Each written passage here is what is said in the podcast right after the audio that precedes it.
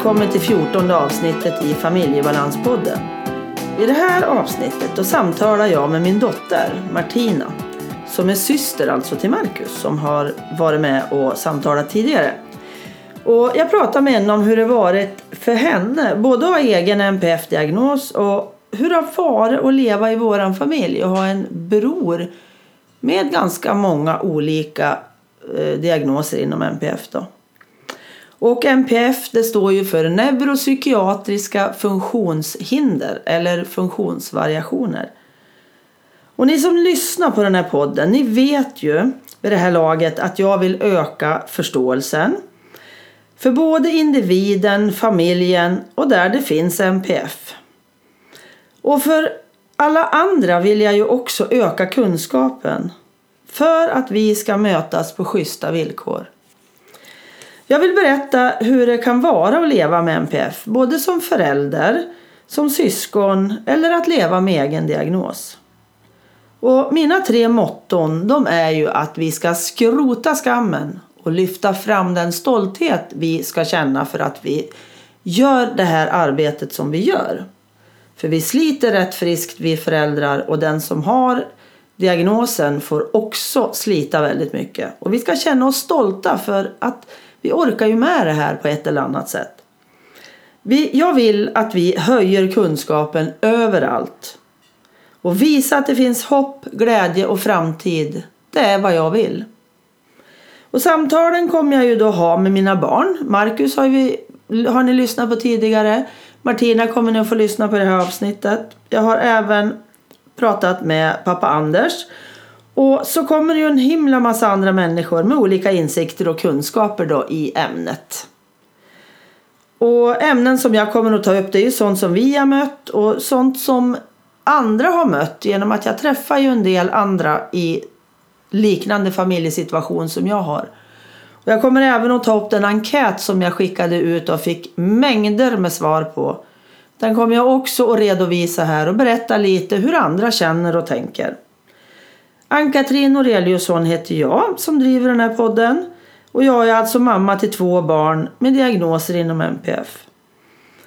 Och jag var ju först tandtekniker i 38 år under tiden barnen var små och växte upp. Och efter det så har jag, sen jag slutade med det, då har jag utbildat mig och jobbar idag med kognitiv NPF-coaching.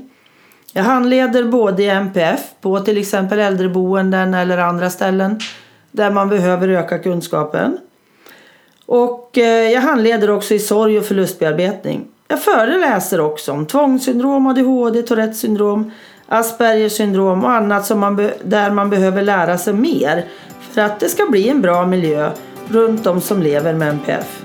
Men nu kör vi igång, så välkommen in!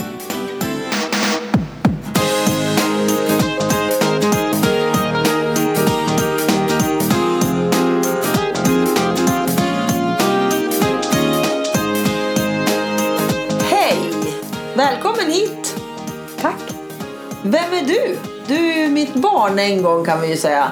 Och det är inte bara du i studion idag. Och studion består av ditt och Fredriks sovrum Martina.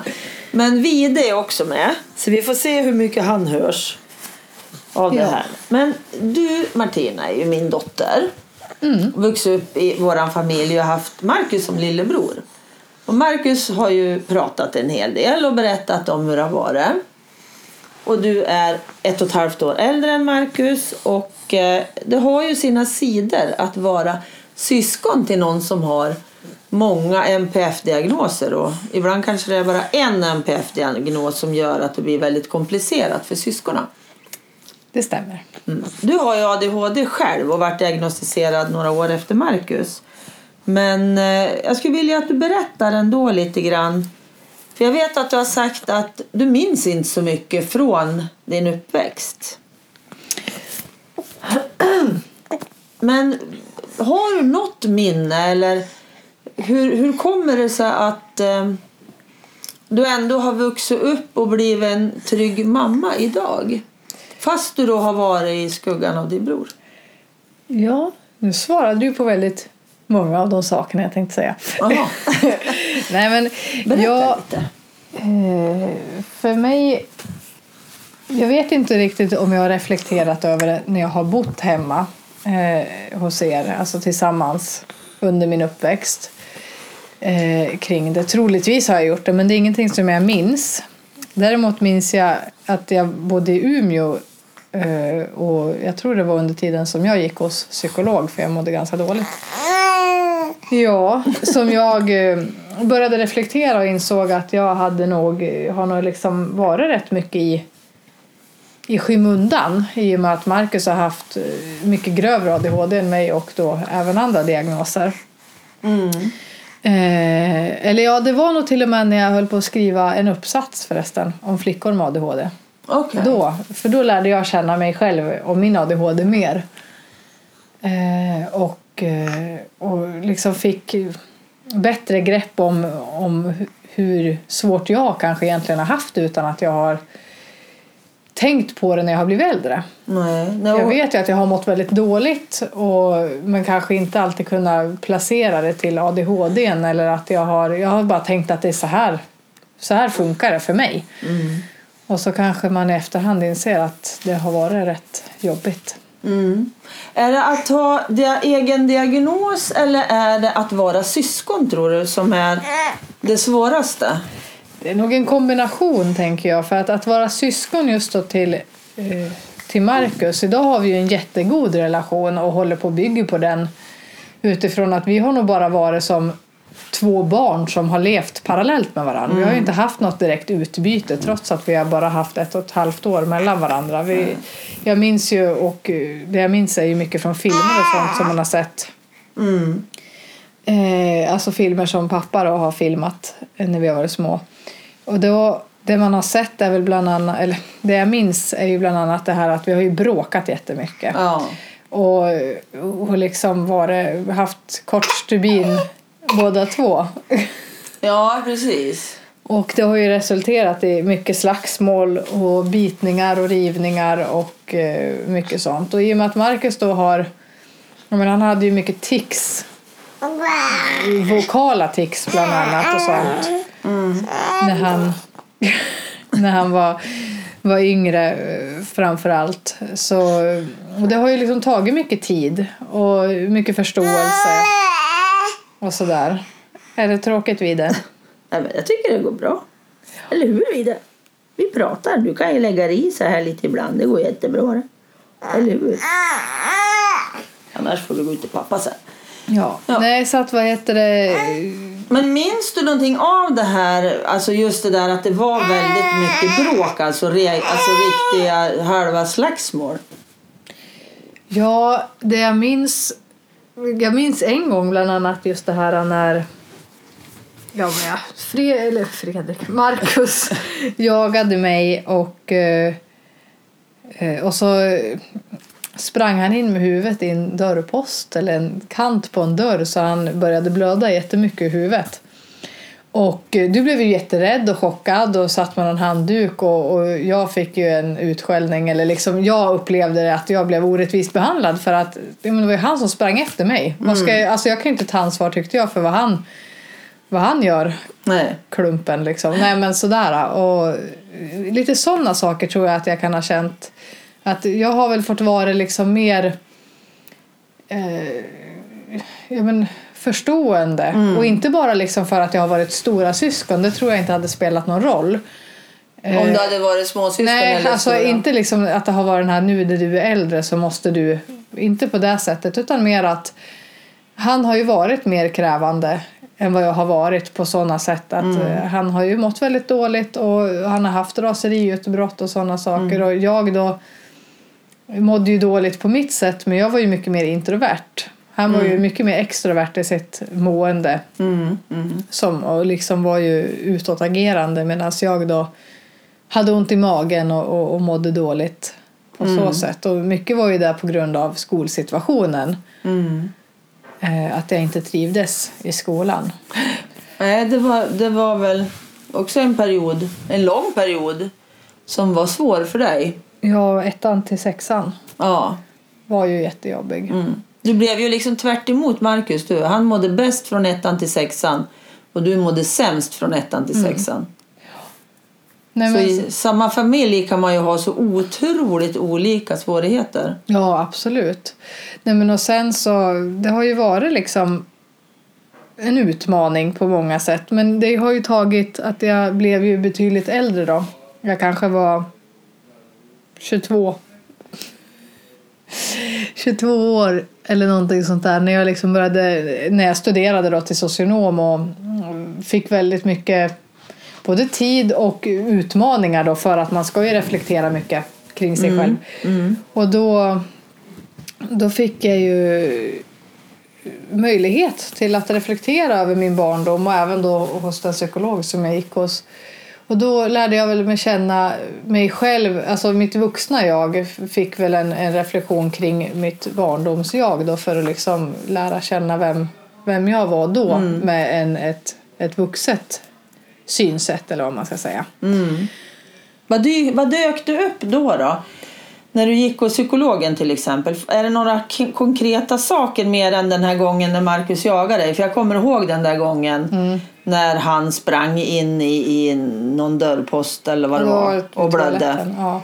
Och just det där att det var du som fick skulden för att du sprang undan. ja, Det blir ju väldigt konstigt egentligen när man tittar på det utifrån. ja, precis. Men, Men där då- och då, det förstår jag. Ja, men i striden liksom så blir det ju ofta väldigt Ja, men, fel. Ja, samtidigt är ju du, var ju du som förälder i chock. Men det är ju liksom en helt annan del av det hela. Ja, men, men det är jätteviktigt Mm. tycker jag med, med just att ta upp det här att inte bli arg på någon som inte ens egentligen är anledningen. Jo, men absolut. För det är ju viktigt i, i många av de här delarna, i många av de här familjerna. Ja. Att det är fel person som får skället. Jo, men precis. Och samtidigt den som har gjort illa sig, ingen skulle jag ha Nej. fått skäll. Liksom. Nej. Så är det ju. Eller skäll. Jag, jag minns det bara som att jag vet att, jag, att du var väldigt rädd. Och, Och du alltså- kände skulden. Ja, och det gör man ju också som syskon att Ja. när någon har gjort illa sig när man har lekt. Liksom. Nej men just det här, både den här uppsatsen då som jag skrev om eh, flickor med ADHD och eh, tiden hos psykolog som jag tror jag var, jag tror inte det var simultant. Ja, hur som haver så var ju det Vad betyder simultant? alltså samtidigt. Okej. Jag tror inte att det var under samma period. Nej. Men det var ju det var väldigt viktigt tror jag för mig att få reflektera och, och fundera kring mig själv och hur, hur saker och ting har påverkat vem jag är idag. Men just det här att jag kom ju liksom på någonstans där att ja, men jag har ju också mått jättedåligt av inte av min diagnos, men alltså min diagnos har ju ställt till det med saker. Jag ser den mer, oftast i alla fall idag, som en tillgång. För den, jag är ju Martina, men jag har också ADHD och det påverkar ju mig. Och jag påverkar min diagnos också. Mm. Det går ju liksom invävt i varandra, så att säga. Men jag vet ju också, alltså... Det här med att tappa tråden. Också lite ADHD. Det ingår liksom. Ja. Fredrik är ju och sjunger i köket för vårt barn och då blir ju hjärnan lite, lite borta. Det är lite svårt att styra undan alla olika ljud. Så Ja, är det ju. Det ingår ju. Ja, Så verkligen. det, det står vi ut med. Mm. Nej, men det jag skulle prata om nu var ju i alla fall det här med hur, hur jag började tänka på hur det har fungerat. Och det jag kom fram till i alla fall var ju att jag har ju haft, varit mycket mer påverkad av min diagnos genom hela mitt liv.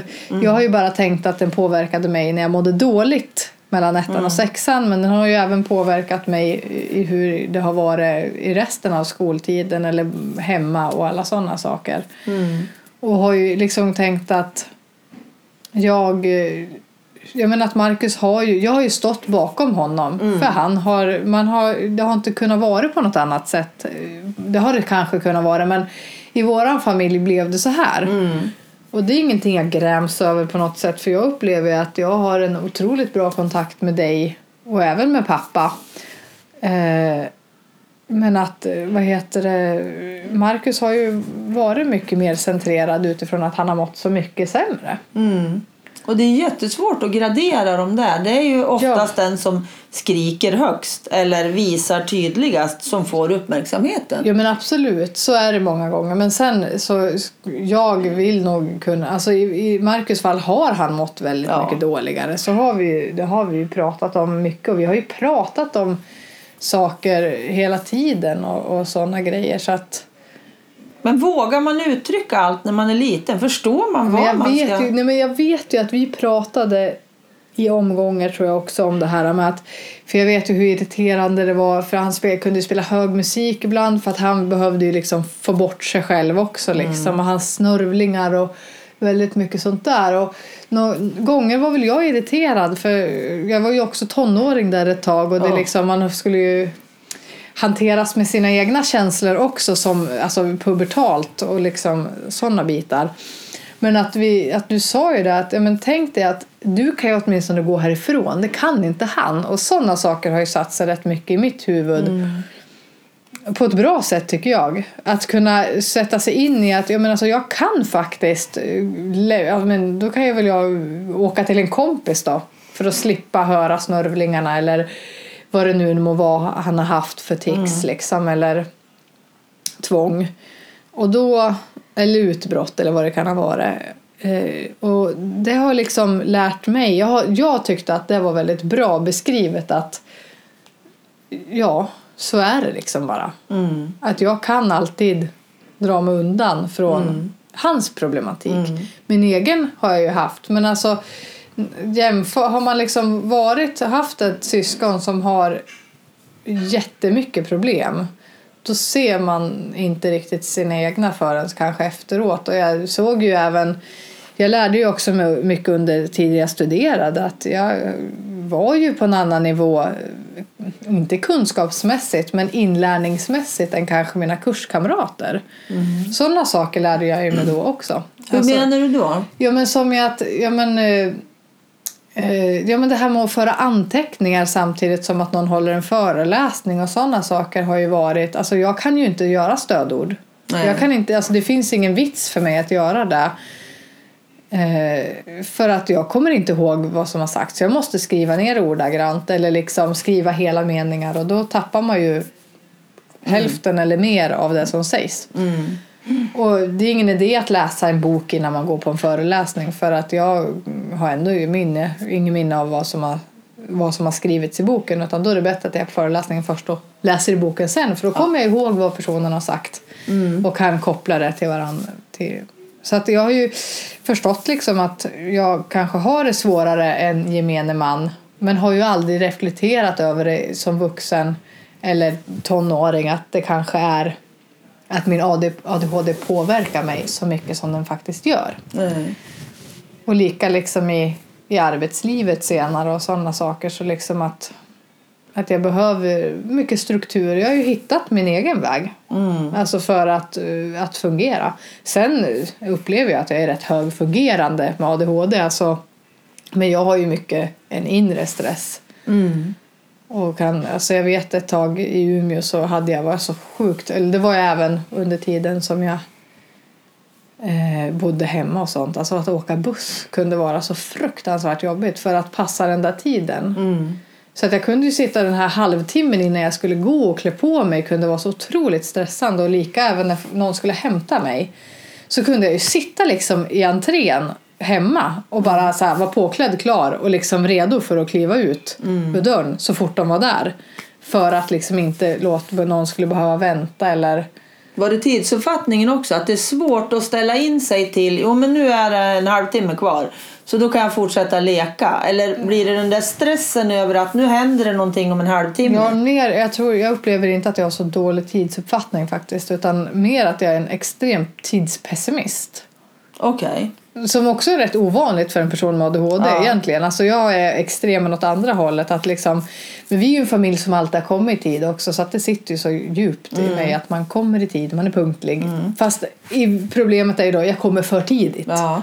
Men det vet jag också är ett problem med den här äh, Alltså tidsuppfattningen hos ADHD-personer. Att ändra kommer jag alltid för sent eller också kommer jag extremt tidigt. För jag litar inte på att jag kommer att komma i rätt tid annars. Nej, för att jag tycker det är så jobbigt att komma för sent och sådana saker. Och då kommer jag hellre tio minuter tidigare för att liksom gardera mig. Att... Och sådana saker är det här med när ska jag gå till bussen, hur lång tid tar det, tidspessimisten och så ska man stå där och vänta. Nej, men sitter hemma och vänta istället och liksom så här. Men du kan inte göra någonting. Nej, jag kan inte göra någonting. Jag måste liksom bara, jag sitter bara och väntar. Mm. Och det är ju, jag får ingen ro inför att jag, men nu är det betydligt bättre. Och nu har vi bil också. Ja, precis. För Styr miljö, du. dåligt för miljön, men det är väldigt skönt. Men jag, jag har ju börjat komma mer sent. Okej. Det började jag med när jag flyttade till Gävle. Jag vet inte varför. Då Okej. blev jag mer tidspessimist. Optimist. Ja, optimist. Du Precis. bytte från pessimist Ja. till optimist. Av Det låter ju positivt. Ja, precis. Nej, men alltså, jag vet inte vad som hände, men då började jag komma mer sådär. Men när man hade så här flextid på jobbet, Ja. Mm. då kunde man bestämma lite själv. Det, var det. det är ju rätt skönt. Och Men nu då- när man har barn, då är man alltid försenad. Ja, precis. Hur man än gör. Då är det Vide som styr. Precis. Ja. Vide är fem månader kan vi ju säga också. Ja. Så han är ju inte så gammal än. Nej. Han har bara varit med här ett tag. Mm. Håller på att lära sig. Ni håller på att lära er varann. Ja, men precis. Mm. Det ska vi väl göra resten av livet. Ja, precis. Och det kan jag säga att man gör.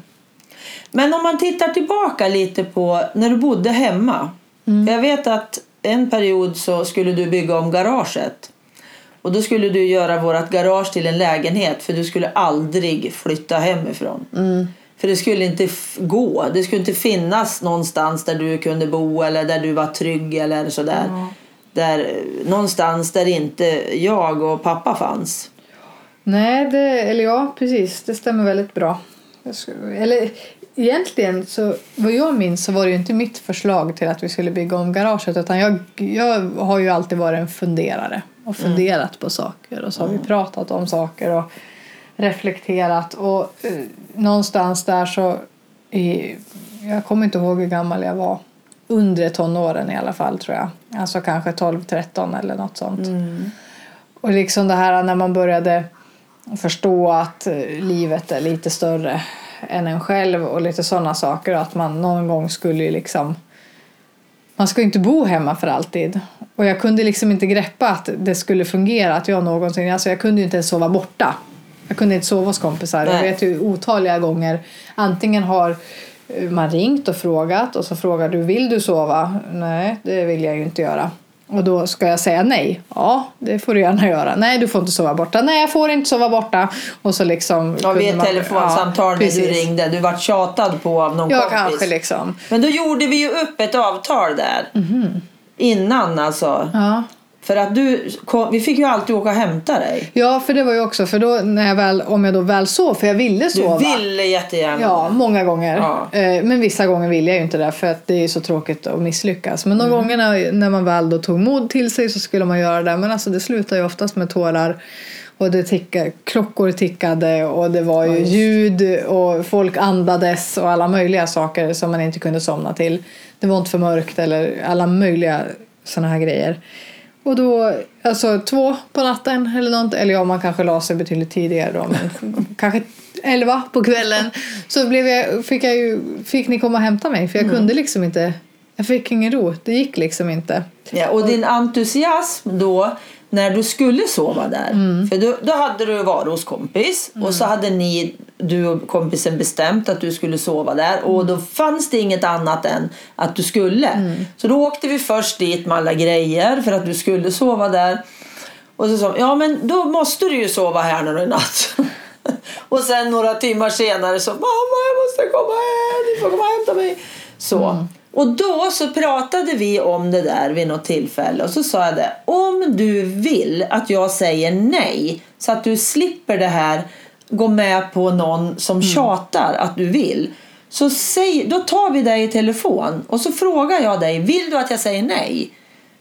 Ja, och det ville du ju oftast. Ja. För du hoppade ju oftast över för då sa du bara nej jag får inte för mamma. Ja men det är mycket Och då enklare. var det så praktiskt för dig. Nej, men och det, det tänker jag är en av föräldrarnas uppgifter att ta på sig Jag tycker det saker. jag med. Ja. Så, så tänker jag kring många saker. Att man, föräldrar är någonting man kan skylla på faktiskt. Ja. I sådana gånger. För att det, det är inte lätt med kompistryck och sådana saker. Och, och det är tråkigt att misslyckas som barn. Ja. Att inte kunna vara någon som kan sova över hos sina kompisar är jättejobbigt. Tyckte jag i alla fall. Eh, Kommer du ihåg när du for bort första gången? ja, det var i sexan va? Var det när ni skulle på skolresa och pappa följde med? Var han med då? Var inte han med då? Eller var det Mark- Marcus var han med vet jag. Ja. Nej men du kanske åkte själv. åkte till Högbo Ja, du kanske var utanför själv. Gävle va? Ja, och det kan jag tänka mig var bland de första gångerna. Då var du alltså 12 år. Före det hade du inte funkat. Mm. Nej, men jag mådde jättedåligt då. Ja. minns jag. Eh, eh, dag två. Men jag har ju ofta känt mig så här eh, olustigt utanför ibland också. Som att jag inte liksom kan vara med och sådana grejer. Och ibland, ja, jag vet inte vad det bottnar i. Det finns nog en helt, en helt annan podcast man kan prata om det. ja, det skulle jag tro. Eh, nej men just det här att jag vet att jag mådde väldigt dåligt eh, då. Och liksom blev sådär låg och tyckte att det var jobbigt. Liksom. Och jag är också en sån person som mår jag bra så syns det. Mår jag dåligt så syns det. Och det finns liksom ingen, så här, ingen fasad utan känslorna bärs som en kofta utan på mig. Att det liksom, man kan, jag kan inte hyckla om mitt mående utan det syns så tydligt om jag inte mår bra. Mm.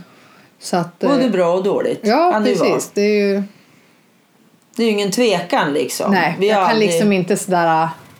Nej, men det är bra. Det är liksom, jag jag vet inte hur man ljuger om sånt. Liksom. Det är bara... Det skriker lögn i hela, hela deran- din kropp. Liksom. Ja.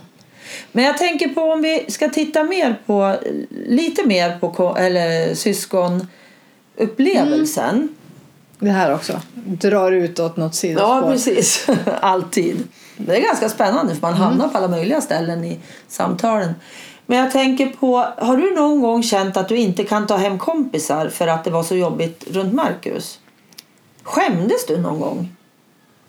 Inget jag minns. Jag kan tänka mig att det kan ha hänt. Men inget jag minns. Det är inget som har Eh, färgat? alltså jag har ju inte liksom. haft så mycket kompisar. Nej. Det, det, det är ju också en så här, jag har ju haft, alltså, Grannarna? Var ja, väl lite- grannar och då lekte ju, den yngre grannen lekte ju med, Marcus? med Marcus och den äldre med mig. Så att det liksom, där visste man ju liksom redan hur, hur det funkar hemma hos oss. Ja. Liksom. Eh, men sen, eh, jag hade väl en del kompisar där, alltså ettan till sexan. Men alltså jag, det var ju inte, ju, ju närmare jag blev liksom, ju närmare man, jag kom sexan desto färre kompisar hade jag ju. För jag mådde ju dåligt och jag, var, jag upplevde mig som mobbad. Mm. Och ut, utanför och hela den biten. Mm. Och, eh, men jag hade ju liksom, ja men som Malin då, en otroligt nära vän och vi är ju jättegoda vänner än idag. Men hon kom in i slutet Ja, hon av kom in i mellanstadiet. mitten av fyran liksom så att eh, Ja, det är länge sedan det nu. Men vad heter det? Början av mellanstadiet. Ja men precis. Nej, men och där, hon, där har det nog bara funkat liksom att det har varit något ovillkorligt liksom. Alltså Ja. det har bara liksom varit vi. Och, och jag vet inte. Där har jag aldrig, tror jag, reflekterat. Kanske att man, jag vet inte om jag kanske hellre ville vara hemma hos henne då eller någonting. Det var ju lugnare där. Ja, För hennes, hon har ju också en syster med funktionsnedsättning. Mm. Eller syskon med funktionsnedsättning. Så förståelsen kanske fanns också. Du kände att det var, var inget märkvärdigt Nej. liksom. jag vet faktiskt inte. Så att det är ingenting jag har något minne av sådär äh, rent. Inget du har funderat på liksom under åren. nej. Nej. Nej, det har jag nog inte gjort. Nej. Vad skönt. Ja, Det var ju väldigt praktiskt också med grannarna där. Ja. Att eh, ni hade en var så att säga, du och Marcus. Ja, men precis. Nej, så att... Eh, och sen, det, det jag vet så här efterhand när jag tänker efter, alltså när jag blev äldre så har jag väl inte jätteofta haft folk över. Och det vet inte jag vad det beror på. Eh, Alltså kompisar som kommit och ja, hälsat precis. på. Liksom. Ja. Eh, utan det har ju mer varit, nej, men när man har varit i kompisgäng och sånt så har ju jag upplevt att man mer har varit hemma hos andra. Mm. Men det vet inte jag vad det här rör sig i Nej. faktiskt. Alls. Det är inget du har tänkt på då? Att nej, Nej, jag har, jag är tänkt- inte hos nej, mig. För nej, men jag har tänkt på det efterhand. Så här, vi har ju aldrig någonsin haft en fest eller någonting. Sen har ju inte jag varit den festande personen. Nej. Men jag har ju aldrig liksom övervägt det heller. Att jag skulle ha det hemma hos oss på något sätt. Men var det inte så att vi var ju alltid hemma? Vi var ju väldigt mycket hemma. Jo, det är också så att vi, det var ju nästan aldrig föräldrafritt liksom Nej. hos oss. Där hängde det ju alltid en mamma eller pappa. Jo, men precis. Nej, så att det... Så det kan ju också ha gjort sitt till att det var inte lämpligt ställe. Ja. Och Nej, plus som att vi sagt- bodde utanför stan och lite Ja, sånt där. nej, men och som sagt så har jag ju ingen... Jag har ju inte festat på det sättet som Nej. många tonåringar har gjort. Inte som din mamma. Nej, Så. precis. ja. Vad jätte, jättekul Martina att vi fick till det till slut. Vi har Mm. hållit på några månader. Ja, alltså vi började ju I planera. november, ja, typ. när jag var gravid. Mm. Att försöka få till att vi skulle podda. Men nu äntligen. Mm.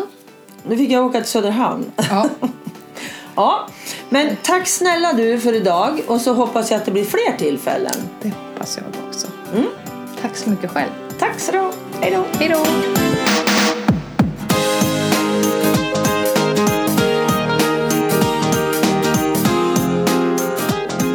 Tack till dig som lyssnat.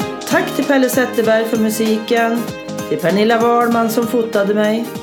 Till Marcus vill jag skicka tack för att du fixade poddloggan. Och naturligtvis tack till Anders för att du redigerar mitt prat. Hoppas vi hörs igen.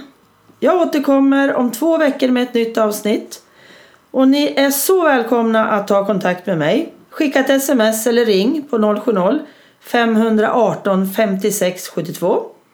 Har du tankar, funderingar runt avsnittet eller de andra avsnitten så får du också väldigt gärna höra av dig till mig på Ann-Katrin, A-N-N-K-A-T-R-I-N snabel familjebalans.se Du hittar mig även på min hemsida familjebalans.se Tack så mycket, hej då!